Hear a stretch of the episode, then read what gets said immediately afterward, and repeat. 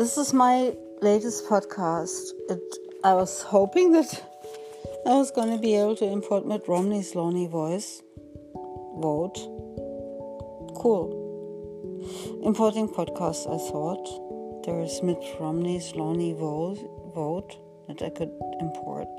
They said. I was going to import that. I was going to import Mitt Romney's lonely vote. Only because I like Mitt Romney. And I'm in the wait state anyway.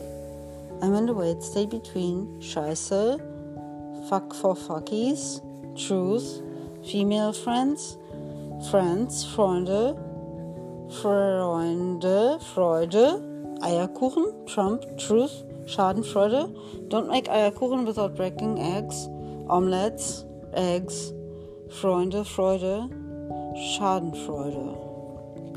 Freud.